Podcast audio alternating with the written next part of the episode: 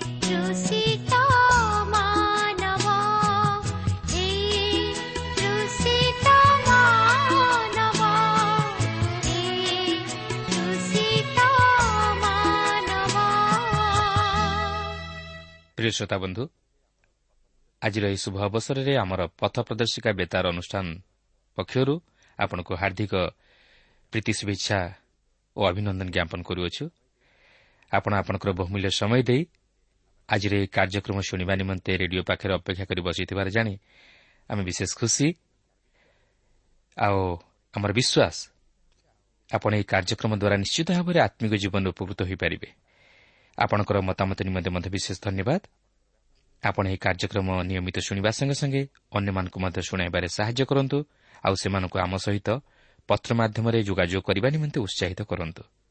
ଆସନ୍ତୁ ତାହେଲେ ପ୍ରଭୁଙ୍କର ବାକ୍ୟ ମଧ୍ୟକୁ ଯିବା ପୂର୍ବରୁ ସଂକ୍ଷେପରେ ପ୍ରାର୍ଥନା କରିବା।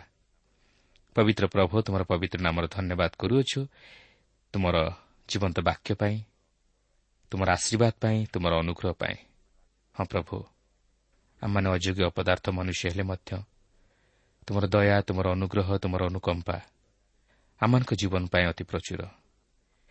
ଯାହାର ପ୍ରତିଦାନରେ ପ୍ରଭୁ ଆମେ ତୁମକୁ କିଛି ଦେଇପାରିନାହୁଁ କି ଦେଇ ମଧ୍ୟ ପାରିବୁ ନାହିଁ।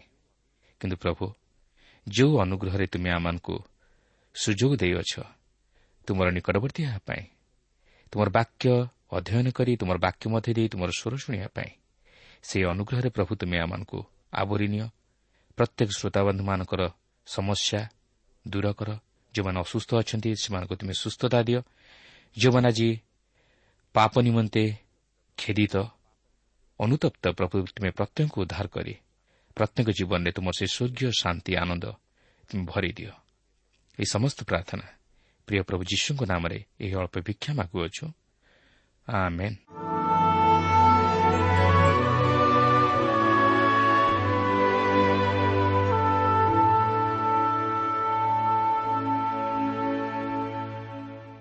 ଆସନ୍ତୁ ତାହେଲେ ବର୍ତ୍ତମାନ ଆମେ ପ୍ରଭୁଙ୍କର ବାକ୍ୟ ମଧ୍ୟକୁ ଯିବା।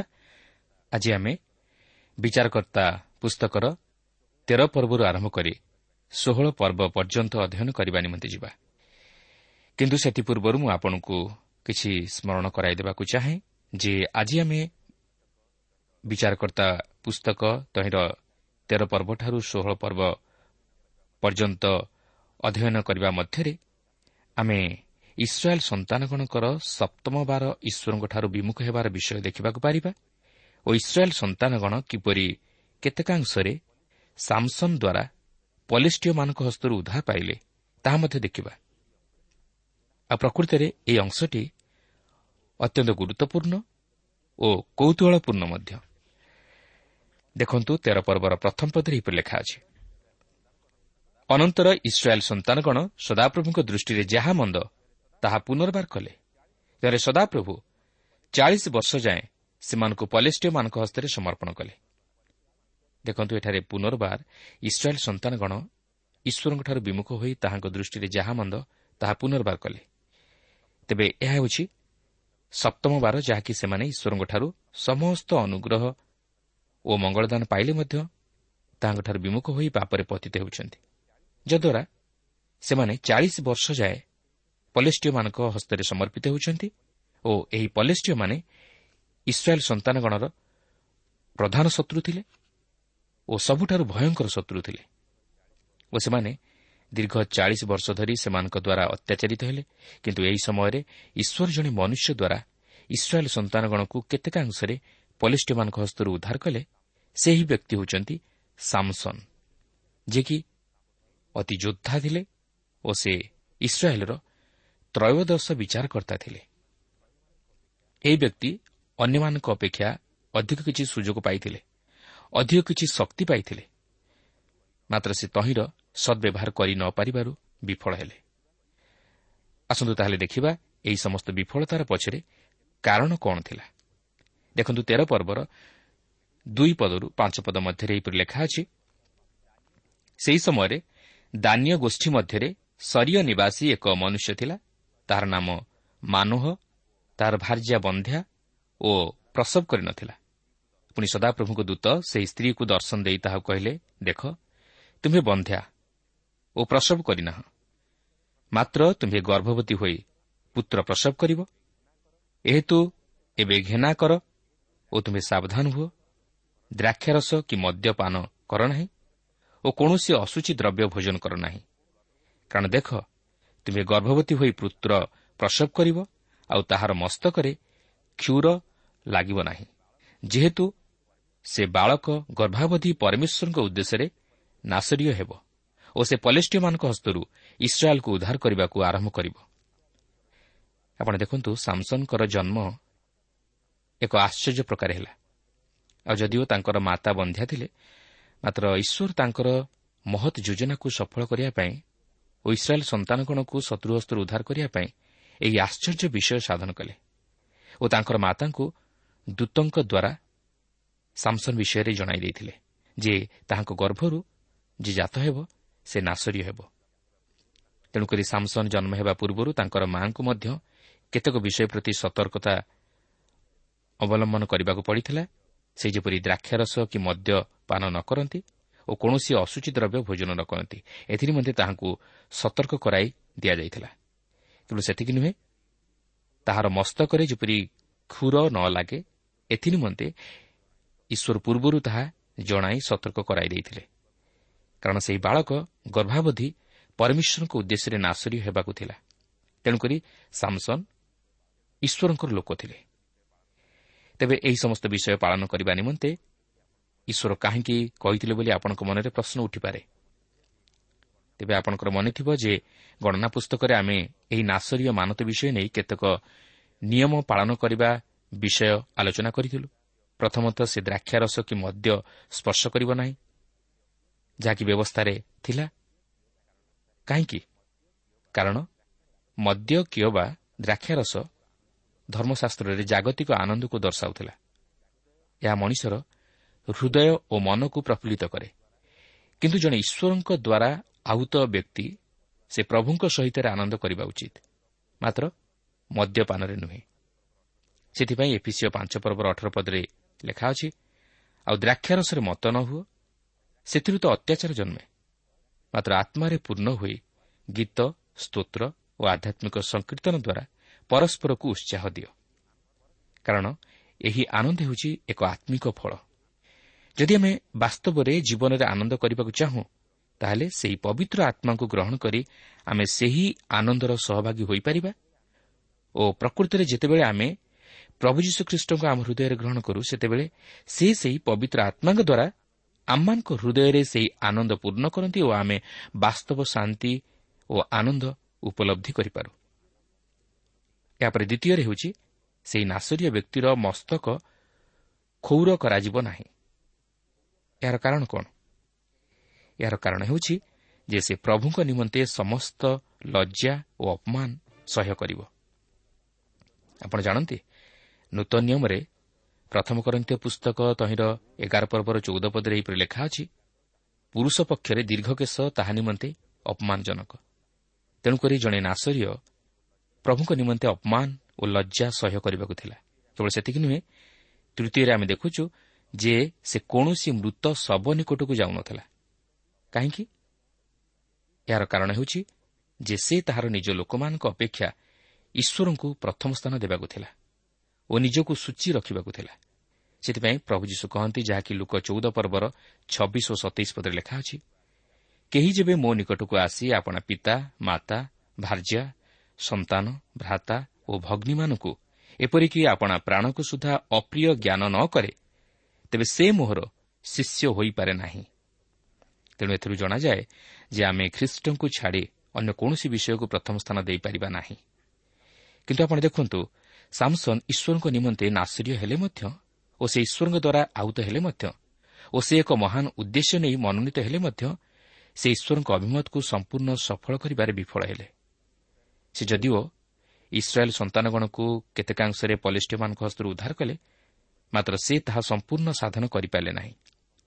ସେ ସମ୍ପୂର୍ଣ୍ଣ ଭାବେ ଇସ୍ରାଏଲ୍ ସନ୍ତାନଗଣକୁ ପଲିଷ୍ଟିୟମାନଙ୍କ ହସ୍ତରୁ ଉଦ୍ଧାର କରିପାରିଲେ ନାହିଁ। ସେ ଉଦ୍ଧାର କରିବାକୁ ଆରମ୍ଭ କଲେ ମାତ୍ର ସମାପ୍ତ କରିପାରିଲେ ନାହିଁ କାରଣ ତାଙ୍କର ସଫଳତା ତାଙ୍କର ନିଜର ଶକ୍ତି ଉପରେ ନିର୍ଭର କରୁନଥିଲା। ମାତ୍ର ଈଶ୍ୱରଙ୍କ ଶକ୍ତି ଉପରେ ନିର୍ଭର କରୁଥିଲା। କିନ୍ତୁ ସେ ଯେତେବେଳେ ଈଶ୍ୱରଙ୍କ ପ୍ରତି ଦୃଷ୍ଟି କଲେ ନାହିଁ ସେତେବେଳେ ସେ ଅକୃତ କାର୍ଯ୍ୟ ହେଲେ। ପ୍ରିୟ ବନ୍ଧୁ ଅନେକ ସମୟରେ ଆମେ ଈଶ୍ୱରଙ୍କ ନିମନ୍ତେ ଅନେକ କିଛି ବିଷୟ ସାଧନ କରିବାକୁ ଚେଷ୍ଟା କରୁ। ମାତ୍ର ତାହା ସମ୍ପୂର୍ଣ୍ଣ କରିପାରିନଥାଉ ଯେତେବେଳେ ଆମେ ପ୍ରଥମେ ପ୍ରଭୁ ଯୀଶୁଙ୍କର ବାସ୍ତବ ପ୍ରେମର ପରିଚୟ ପାଉ ଓ ପାପରୁ ଉଦ୍ଧାର ପାଇ ପରିଚାଳନାର ଅନୁଭୂତି ଲାଭ କରୁ ସେତେବେଳେ ଆମେ ଯେତେ ଦୂର ପ୍ରଭୁଙ୍କୁ ପ୍ରେମ କରୁ ଓ ପ୍ରଭୁଙ୍କ ସହିତ ଲାଗି ରହୁ ମାତ୍ର ଏହା ପରବର୍ତ୍ତୀ ଅବସ୍ଥାରେ ଧୀରେ ଧୀରେ କମିଯାଇଥାଏ। ଓ ଆମମାନଙ୍କ ଜୀବନରେ ଈଶ୍ୱରଙ୍କ ପ୍ରତି ଶିଥିଳତାର ମନୋଭାବ ଦେଖାଯାଇଥାଏ। ଅନେକ ଅତି ଧାରାବାହିକ ଭାବେ ବାଇବଲ ଅଧ୍ୟୟନ କରିବାକୁ ଆରମ୍ଭ କରନ୍ତି ମାତ୍ର ଧୀରେ ଧୀରେ ସେମାନେ ତହିଁରେ ଅବହେଳା ପ୍ରଦର୍ଶନ କରନ୍ତି। ଅନେକ ଏହି କାର୍ଯ୍ୟକ୍ରମ ନିୟମିତ ଶୁଣିବା ନିମନ୍ତେ ଚେଷ୍ଟା କରନ୍ତି ମାତ୍ର ଧୀରେ ଧୀରେ ତହିଁରେ ଅବହେଳା କରନ୍ତି। ଏହିପରି ଯଦି ଗୋଟି ଗୋଟି କରି ଚିନ୍ତା କରିବା ତାହେଲେ ଆମେ ଆମ ଜୀବନର ଆତ୍ମିକ ସ୍ଥିତିକୁ ଜାଣିପାରିବା। କିନ୍ତୁ ଏହା କ'ଣ ପାଇଁ ଘଟେ? ଯେହେତୁ ଶୟତାନ ତହିଁରେ ପ୍ରତିବନ୍ଧକ ସୃଷ୍ଟି କରିଥାଏ। ଆଜି ଅନେକ ପୂର୍ଣ୍ଣ ସମୟବ୍ୟାପୀ ପ୍ରଭୁଙ୍କର କାର୍ଯ୍ୟ କରିବାକୁ ପଦକ୍ଷେପ ନିଅନ୍ତି। ମାତ୍ର ଯଦି କୌଣସି ସମସ୍ୟାର ସମ୍ମୁଖୀନ ହୁଅନ୍ତି ତାହେଲେ ଧୀରେ ଧୀରେ ତହିଁରେ ପଛଘୁଞ୍ଚା ଦିଅନ୍ତି। କିନ୍ତୁ ଈଶ୍ୱରଙ୍କ ଅଭିମତ ତଦ୍ୱାରା ଆମମାନଙ୍କ ଜୀବନରେ ସଫଳ ହୋଇପାରେ ନାହିଁ। ଏହାପରେ ତେର ପର୍ବର ଚବିଶ ଓ ପଚିଶ ପଦରେ ଏହିପରି ଲେଖା ଅଛି ଏଥିଉତାରେ ସେହି ସ୍ତ୍ରୀ ପୁତ୍ର ପ୍ରସବ କରି ତାହାର ନାମ ସାମସନ୍ ଦେଲା। ତୁ ସେହି ବାଳକ ବଢ଼ିଲା ଓ ସଦାପ୍ରଭୁ ତାହାକୁ ଆଶୀର୍ବାଦ କଲେ। ପୁଣି ସଦାପ୍ରଭୁଙ୍କ ଆତ୍ମା ସରିୟ ଓ ଇଷ୍ଟାୟଲ ମଧ୍ୟବର୍ତ୍ତୀ ମହନି ଦାନରେ ତାହାକୁ ଚଳାଇବାକୁ ଲାଗିଲେ। ପ୍ରକୃତରେ ଏହା ହିଁ ହେଉଛି ସାମସନ୍ର ଶକ୍ତି ପଛରେ ଏକ ରହସ୍ୟ। ସାମସନ୍ର ଶକ୍ତି ତାହାର ଦୀର୍ଘ କେଶରେ ନଥିଲା ବା ତାହାର ବାହୁରେ ନଥିଲା। ମାତ୍ର ଈଶ୍ୱରଙ୍କ ଆତ୍ମା ଯେତେବେଳେ ତାହା ମଧ୍ୟରେ ଅଧିଷ୍ଠାନ କରୁଥିଲେ ସେତେବେଳେ ସେ ଶକ୍ତିପ୍ରାପ୍ତ ହେଉଥିଲା। କିନ୍ତୁ ସେ ତାହାର ସେହି ଦୀର୍ଘ କେଶ ଖୌର କରାଇବା ହେତୁ ତାହାର ଶକ୍ତି କ୍ଷୁର୍ଣ୍ଣ ହୋଇନଥିଲା ମାତ୍ର ସେ ସେହି ଦୀର୍ଘ କେଶ ଖୌର କରାଇବା ହେତୁ ସେହି ନାସରୀୟ ମାନତର ବିଧିକୁ ଲଙ୍ଘନ କଲା ଫଳରେ ଈଶ୍ୱରଙ୍କ ଆତ୍ମା ତାହାଠାରେ ଆଉ ଅଧିଷ୍ଠାନ କଲେ ନାହିଁ ଫଳତଃ ସେ ଦୁର୍ବଳ ହୋଇଗଲା ଓ ଶତ୍ରୁ ହସ୍ତରେ ପତିତ ହେଲା। ତେବେ ଆମେ ଯଦି ସାମସନ୍ ବିଷୟରେ ଗୋଟି ଗୋଟି ବିଷୟକୁ ନେଇ ଆଲୋଚନା କରିବାକୁ ଯିବା ତାହେଲେ ସମୟ ଅଣ୍ଟିବ ନାହିଁ। ତେଣୁ ଆମେ ସଂକ୍ଷେପରେ ସାମସନ୍ ଜୀବନର କେତେକ ମୁଖ୍ୟ ଘଟଣା ଉପରେ ଟିକେ ଦୃଷ୍ଟିପାତ କରିବା। ଚଉଦ ପର୍ବରେ ଆମେ ଦେଖିବାକୁ ପାରୁଛୁ ଯେ ସାମସନ୍ ତିମ୍ନାକୁ ଯାଇ ସେ ସ୍ଥାନରେ ପଲେଷ୍ଟିୟମାନଙ୍କ କନ୍ୟାଗଣ ମଧ୍ୟରୁ ଗୋଟିଏ ସ୍ତ୍ରୀ ଲୋକକୁ ପସନ୍ଦ କରି ତାହାକୁ ବିବାହ କଲା। ମାତ୍ର ସେ ତାହାକୁ ବିବାହ କରିଥିଲା ଯେପରି ସେ ଇସ୍ରାଏଲ୍ ସନ୍ତାନଗଣକୁ ପଲେଷ୍ଟିୟମାନଙ୍କ ହସ୍ତରୁ ଉଦ୍ଧାର କରିପାରେ। ଆଉ ତାହା ସେ ଅତି ସୁନ୍ଦର ଭାବେ ଆରମ୍ଭ କରିଥିଲା। କାରଣ ଈଶ୍ୱରଙ୍କ ଆତ୍ମା ତାହା ସହିତରେ ଥିଲେ ଓ ଏହା ଈଶ୍ୱରଙ୍କ ଆଡ଼ୁ ଘଟିଥିଲା।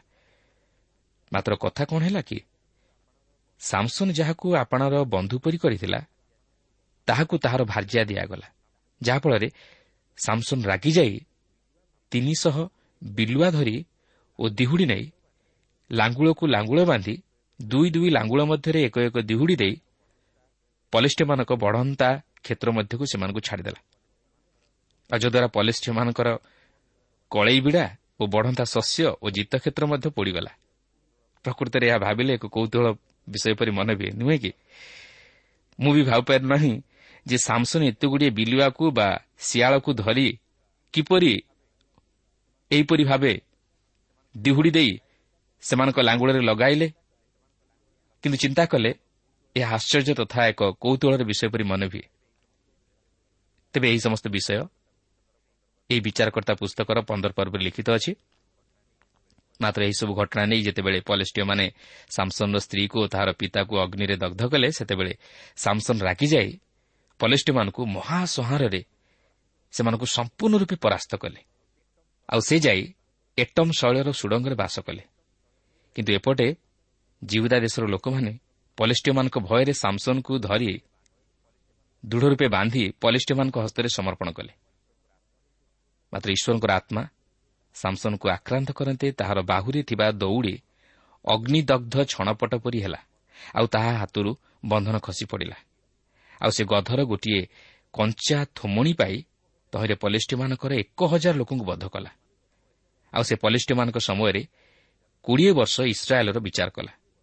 କିନ୍ତୁ ଆପଣ ଦେଖନ୍ତୁ ଯେ ସେ ଯାହା ସବୁ କଲା ତାହାର ନିଜ ନିମନ୍ତେ ଓ ନିଜର କ୍ରୋଧକୁ ଶାନ୍ତ କରିବା ନିମନ୍ତେ। କିନ୍ତୁ ଈଶ୍ୱରଙ୍କ ନିମନ୍ତେ ବା ଈଶ୍ୱରଙ୍କ ଲୋକମାନଙ୍କୁ ଉଦ୍ଧାର କରିବା ନିମନ୍ତେ ନୁହେଁ। ତେବେ ସେ ଯାହା ହେଉନା କାହିଁକି ସେ ଏହିପରି ଭାବେ ଇସ୍ରାଏଲ୍ ସନ୍ତାନଗଣକୁ ପଲେଷ୍ଟିୟମାନଙ୍କ ହସ୍ତରୁ ଉଦ୍ଧାର କରିବା ନିମନ୍ତେ ଆରମ୍ଭ କରୁଥିଲା। ମାତ୍ର ସେ ସେହି ନାସରୀୟ ମାନତର ବିଧିକୁ ପାଳନ କରି ନ ପାରିବାରୁ ତହିଁରେ ବିଫଳ ହେଲା ଓ ଈଶ୍ୱରଙ୍କ ଆତ୍ମା ତାଠାରେ ଆଉ କାର୍ଯ୍ୟ ସାଧନ କରିପାରିଲେ ନାହିଁ ଯାହାକି ଆମେ ଷୋହଳ ପର୍ବରେ ଦେଖିବାକୁ ଯିବା। ତେବେ ଏଠାରେ ଆମେ ପନ୍ଦର ପର୍ବର ବିଷୟବସ୍ତୁକୁ ଆଲୋଚନା କରି ସମାପ୍ତ କଲୁ। ମାତ୍ର ଏହାପରେ ଆମେ ଷୋହଳ ପର୍ବଟିକୁ ଅଧ୍ୟୟନ କରିବା ପାଇଁ ଯିବା। ଏହି ପର୍ବରେ ଆମେ ସାମସନ୍ ଜୀବନରେ ମହାପତନ ଘଟିବାର ଲକ୍ଷ୍ୟ କରୁଅଛୁ। ଦେଖନ୍ତୁ ଷୋହଳ ପର୍ବର ଚାରିପଦରେ ଲେଖା ଅଛି। ଏଉତାରେ ସେ ସୋରେକ୍ ଉପତ୍ୟକାରେ ଏକ ସ୍ତ୍ରୀ କି ପ୍ରେମ କଲା। ତାହାର ନାମ ଦଲିଲା। ତେବେ ସେହି ଦଲିଲା ଥିଲା ସାମସନ୍ର ଜୀବନ ନିମନ୍ତେ ଏକ ପତନର କାରଣ। କାରଣ ସେହି ଦଲିଲାର ଫାନ୍ଦରେ ସେ ପଡ଼ିଲା ଓ ସେହି ଦଲିଲା ଦ୍ୱାରା ପଲିଷ୍ଠମାନେ କାହିଁରେ ତାହାର ଏତେ ବଳ ଅଛି ଓ କି ଉପାୟରେ ତାହାକୁ ସେମାନେ ପରାସ୍ତ କରିପାରିବେ ତାହା ବୁଝିନେଲେ। ଦଲିଲା ତିନିଥର ସାମସନ୍କୁ ପଚାରି କାହିଁରେ ତାହାର ଏତେ ମହାବଳ ଅଛି ତାହା ବୁଝିବାକୁ ଚେଷ୍ଟା କରିଥିଲା। ମାତ୍ର ତିନିଥର ଯାକ ସାମସନ୍ ତାହାକୁ ମିଛ କହି ପଲିଷ୍ଟିମାନଙ୍କୁ ଭ୍ରାନ୍ତ କରିଥିଲା। କିନ୍ତୁ ଦଲିଲା ତାହାକୁ ବାସ୍ତବରେ ପ୍ରେମ କରୁନଥିଲା। ମାତ୍ର ସେ ସେହି ରୌପ୍ୟ ମୁଦ୍ରା ପ୍ରତି ଲୋଭାସକ୍ତ ଥିଲା। କାରଣ ପଲିଷ୍ଟିମାନେ ଯେପରି ସାମସନ୍କୁ ପରାସ୍ତ କରିପାରନ୍ତି ଓ ତାହାର ବଳକୁ କ୍ଷୁର୍ଣ୍ଣ କରିପାରନ୍ତି ଏଥି ନିମନ୍ତେ ଚକ୍ରାନ୍ତ କରି ଦଲିଲାଠାରୁ ସେହି ସମସ୍ତ ଗୁପ୍ତ ବିଷୟ ଜାଣିବା ନିମନ୍ତେ ତାହାକୁ ପ୍ରତ୍ୟେକ ଜଣ ଏଗାରଶହ ଲେଖାଏଁ ରୌପ୍ୟ ମୁଦ୍ରା ଦେବୁ ବୋଲି କହିଥିଲେ। ତେଣୁ ଦଲିଲା ସେହି ରୌପ୍ୟ ମୁଦ୍ରା ଲୋଭରେ ସାମସନ୍କୁ କିପରି ପଲିଷ୍ଟିମାନଙ୍କ ହସ୍ତରେ ଧରାଇଦେବ ତାହା ଚେଷ୍ଟା କରୁଥିଲା। କିନ୍ତୁ ସାମସନ୍କୁ ସେହିସବୁ ବିଷୟ ଜଣା ନ ଥିଲା ଆପଣ ଦେଖନ୍ତୁ ଯେପର୍ଯ୍ୟନ୍ତ ସାମସନ୍ର ମସ୍ତକ କ୍ଷୌର ହୋଇନଥିଲା ସେ ପର୍ଯ୍ୟନ୍ତ ଈଶ୍ୱରଙ୍କ ଶକ୍ତି ତାହାଙ୍କ ମଧ୍ୟରେ କାର୍ଯ୍ୟ କରୁଥିଲା। ଆପଣ ଦେଖନ୍ତୁ ସାମସନ୍ର କହିବା ଅନୁଯାୟୀ ଦଲିଲା ପ୍ରଥମେ ସାତୁଟା କଞ୍ଚା ତନ୍ତରେ ତାହାକୁ ବାନ୍ଧିଲା ମାତ୍ର ଅଗ୍ନି ବାସନା ବାଜିଲେ ଯେପରି ଛଣପଟ ସୁତୁଲି ଛିଣ୍ଡିଯାଏ ସେପରି ସେସବୁ ତନ୍ତ ଛିଣ୍ଡାଇ ପକାଇଲା। ପୁନର୍ବାର ଦ୍ୱିତୀୟ ଥର ସାମସନ୍ର କହିବା ଅନୁଯାୟୀ ଯେଉଁ ରଜ୍ଜୁରେ କୌଣସି କର୍ମ କରାଯାଇ ନାହିଁ ଏପରି ନୂତନ ରଜ୍ଜୁରେ ଦଲିଲା ତାକୁ ବାନ୍ଧିଲା। ମାତ୍ର ଦ୍ୱିତୀୟ ଥର ମଧ୍ୟ ସେ ଖଣ୍ଡେ ସୂତା ପରି ଆପଣା ବାହୁ ଉପରୁ ତାହା ଛିଣ୍ଡାଇ ପକାଇଲା। ଏହାପରେ ସାମସନ୍ର କହିବା ଅନୁଯାୟୀ ତୃତୀୟ ଥର ମଧ୍ୟ ଦଲିଲା ବୁଣା ଯାଉଥିବା ବସ୍ତ୍ରରେ ମସ୍ତକ କେଶର ସାତବେଣୀ କରି ତାହାକୁ ବାନ୍ଧିଲା। ମାତ୍ର ସେ ନିଦ୍ରାରୁ ଉଠି ତନ୍ତ ଖୁଣ୍ଟି ସହ ଉପାଡ଼ି ବସ୍ତ୍ର ନେଇ ପଳାଇଲା। ତେଣୁକରି କାହିଁରେ ତାହାର ଏତେ ବଳ ତାହା ବାସ୍ତବରେ ଜଣାଗଲା ନାହିଁ। କାରଣ ସାମସନ୍ ତାହାକୁ ପରିହାସ କରି ଏପରି କହୁଥିଲା ମାତ୍ର ଆପଣ ଜାଣିଥିବେ ଯେ ସାଧାରଣତଃ ସ୍ତ୍ରୀମାନଙ୍କ ଆଗରେ ପୁରୁଷମାନେ କୌଣସି କଥା ଛପେଇ ରଖିପାରନ୍ତି ନାହିଁ। ଦଲିଲା ମଧ୍ୟ ଅତି ଚତୁରତାର ସହିତ ସାମସନ୍କୁ ଥରକୁ ଥର ପଚାରି ବ୍ୟସ୍ତ କରିବାରୁ ସାମସନ୍ ତାହାକୁ ସତ କଥାଟି କହିଦେଲା ସେ ଦଲିଲାକୁ କହିଲା ମୋର ମସ୍ତକରେ କେବେ ଖୁର ଲାଗିନାହିଁ କାରଣ ମୁଁ ଆପଣା ମାତାର ଗର୍ଭରୁ ପରମେଶ୍ୱରଙ୍କ ଉଦ୍ଦେଶ୍ୟରେ ନାଶରୀୟ ଲୋକ ହୋଇଅଛି। ଯେବେ ମୁଁ ଖୌର ହେବି ତେବେ ମୋର ବଳ ମୋଠୁ ଯିବ ଓ ମୁଁ ଦୁର୍ବଳ ହୋଇ ଅନ୍ୟ ସକଳ ଲୋକର ସମାନ ହୋଇଯିବେ। ତେବେ ଏହା ଥିଲା ତାର ଜୀବନର ଅନ୍ତିମ ପର୍ଯ୍ୟାୟର ଆରମ୍ଭ। ଏହାପରେ ଦଲିଲା ପଲେଷ୍ଟିମାନଙ୍କୁ ଖବର ପଠାଇ ସେମାନଙ୍କୁ ଡକାଇ ଆଣିଲା।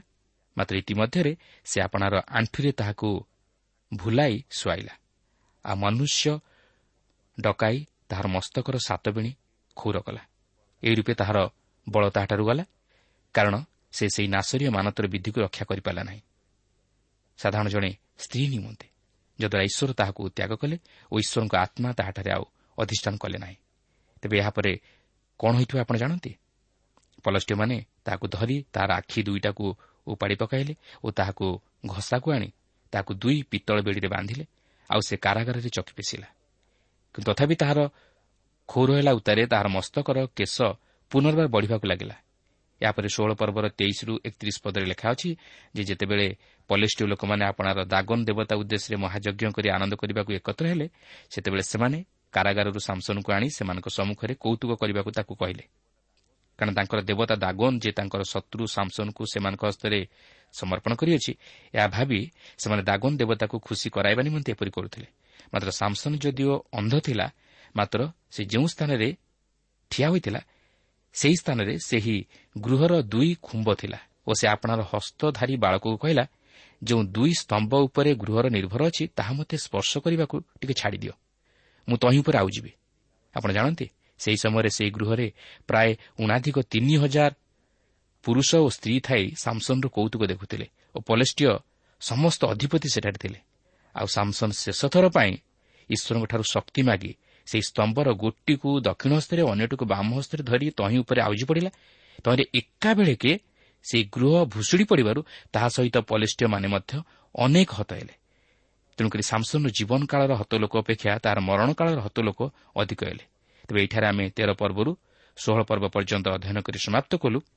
ମାତ୍ର ଏଠାରେ ମୁଁ ଗୋଟିଏ ବିଷୟ ଆପଣ କହି ରଖେ ଯେ ଯୌନଗତ ପାପ ସାମସନ୍ର ଜୀବନ ପ୍ରତି ବିନାଶ ଆଣିଦେଇଥିଲା ତେଣୁ ଆମେ ପ୍ରତ୍ୟେକ ଏଥିପ୍ରତି ସତର୍କ ହେଉ। ପ୍ରଭା ପ୍ରତ୍ୟେକଙ୍କୁ ଆଶୀର୍ବାଦ କରନ୍ତୁ।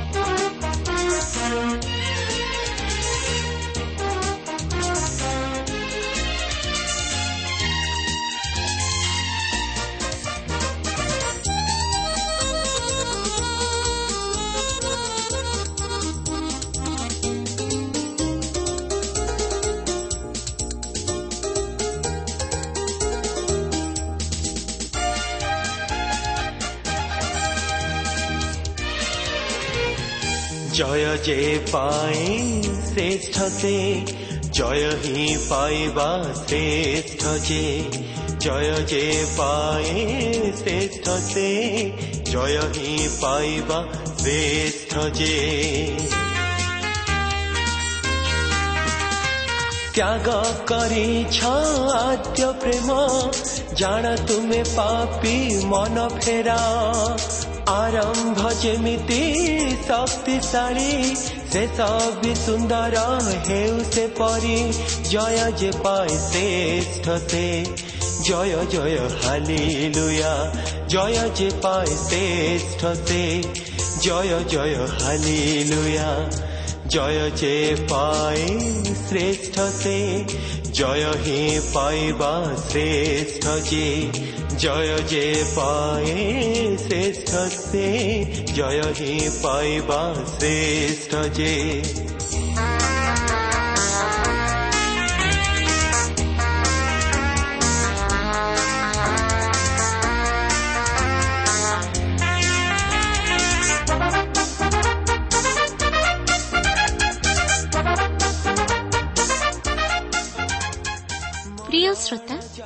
আমার কার্যক্রম নিয়মিত শুণু অশেষ ধন্যবাদ আপনার এই কার্যক্রম শুণবা দ্বারা আত্মিক জীবনের উপকৃত হয়ে পে বলে আমার বিশ্বাস প্রভু যীশুঙ্ বিষয়ে অধিক জাণবার আগ্রহ লে অথবা উপাদেয় পুস্তকর আবশ্যক লে আমসহ যোগাযোগ করতু আমার ঠিকনা পথ প্রদর্শিকা Trans World Radio India post box number তিন তিন ভুবনেশ্বর সাত পাঁচ এক শূন্য শূন্য এক mobile number nine seven double seven double two one four one five ঠিকଣାটি ଆଉଥରେ ଶୁଣନ୍ତୁ ପଥ ପ୍ରଦର୍ଶିକା Trans World Radio India post box number three three Bhubaneswar seven five one zero zero one mobile number nine seven double seven double two one four one five ଆମର email ଆଡ୍ରେସ୍ଟି ଲେଖି ରଖନ୍ତୁ Odia TTV at radio eight eight two dot com ତେବେ ଆଜି ପାଇଁ ବିଦାୟ ଦିଅନ୍ତୁ ନମସ୍କାର ଯୀଶୁଙ୍କର ରକ୍ତେ ଶୁଚି ହୁଅ ତେବେ ଯାଇ ପାଇବ ମହାନନ୍ଦ ଜୟ ଯେ ପାଏ ଶ୍ରେଷ୍ଠ ସେ ଜୟ ଜୟ ହାଲେଲୁୟା ଜୟ ଯେ ପାଏ ଶ୍ରେଷ୍ଠ ସେ জয় জয় হালেলুয়া। জয় যে পায়ে শ্রেষ্ঠ সে জয় হে পাইবা শ্রেষ্ঠ যে জয় যে পায়ে শ্রেষ্ঠ সে জয় হে পাইবা শ্রেষ্ঠ যে